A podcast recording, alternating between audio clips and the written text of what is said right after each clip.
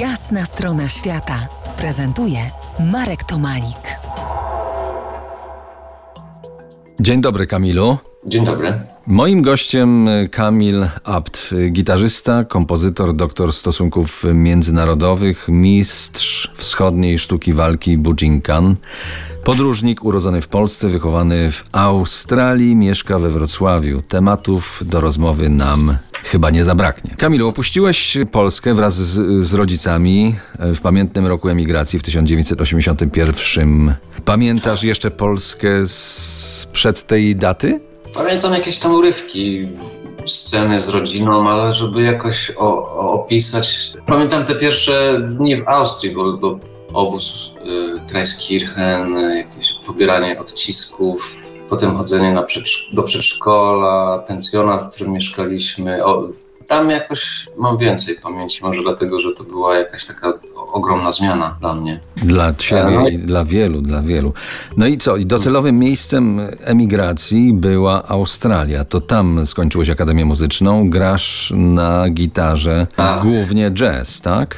Głównie jazz, tak. Powiedziałbym, że teraz się tak wyspecjalizowałem. Czasami wydaje mi się, że niefortunnie, bo, bo jest mniej możliwości, mniej pracy, ale tylko w jazzie. Praca na uczelni pozwala mi na to, że, że nie muszę się, chociaż chciałbym się utrzymywać z samego jazzu, ale nie muszę się utrzymywać z muzyki, więc mogę unikać sytuacji takie, że gram rzeczy, które, których nie grałbym normalnie. No ale tam w Australii grałeś w zespołach muzycznych, współpracowałeś z wybitnymi muzykami. Którzy z nich zapadli ci najmocniej w pamięci?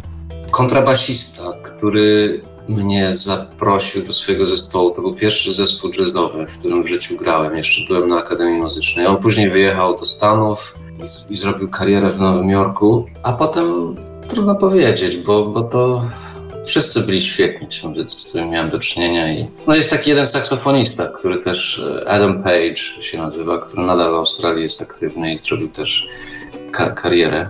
A słyszałeś o Piotrze Rechniewskim, który kilka dekad wstecz rozkręcił jazzową scenę Sydney i, i chyba nadal to robi. Nie, ale prawdopodobnie dlatego, że, że jeden z problemów ze sceną jazzową w Australii jest to, że te miasta wszystkie są tak oddalone od siebie. Przynajmniej w Adelaide nie czujesz się jak.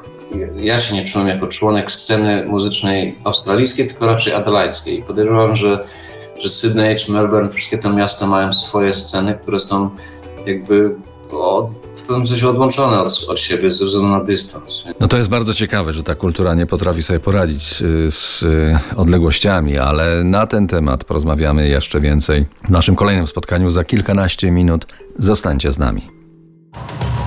To jest Jasna strona świata w RMS Classic.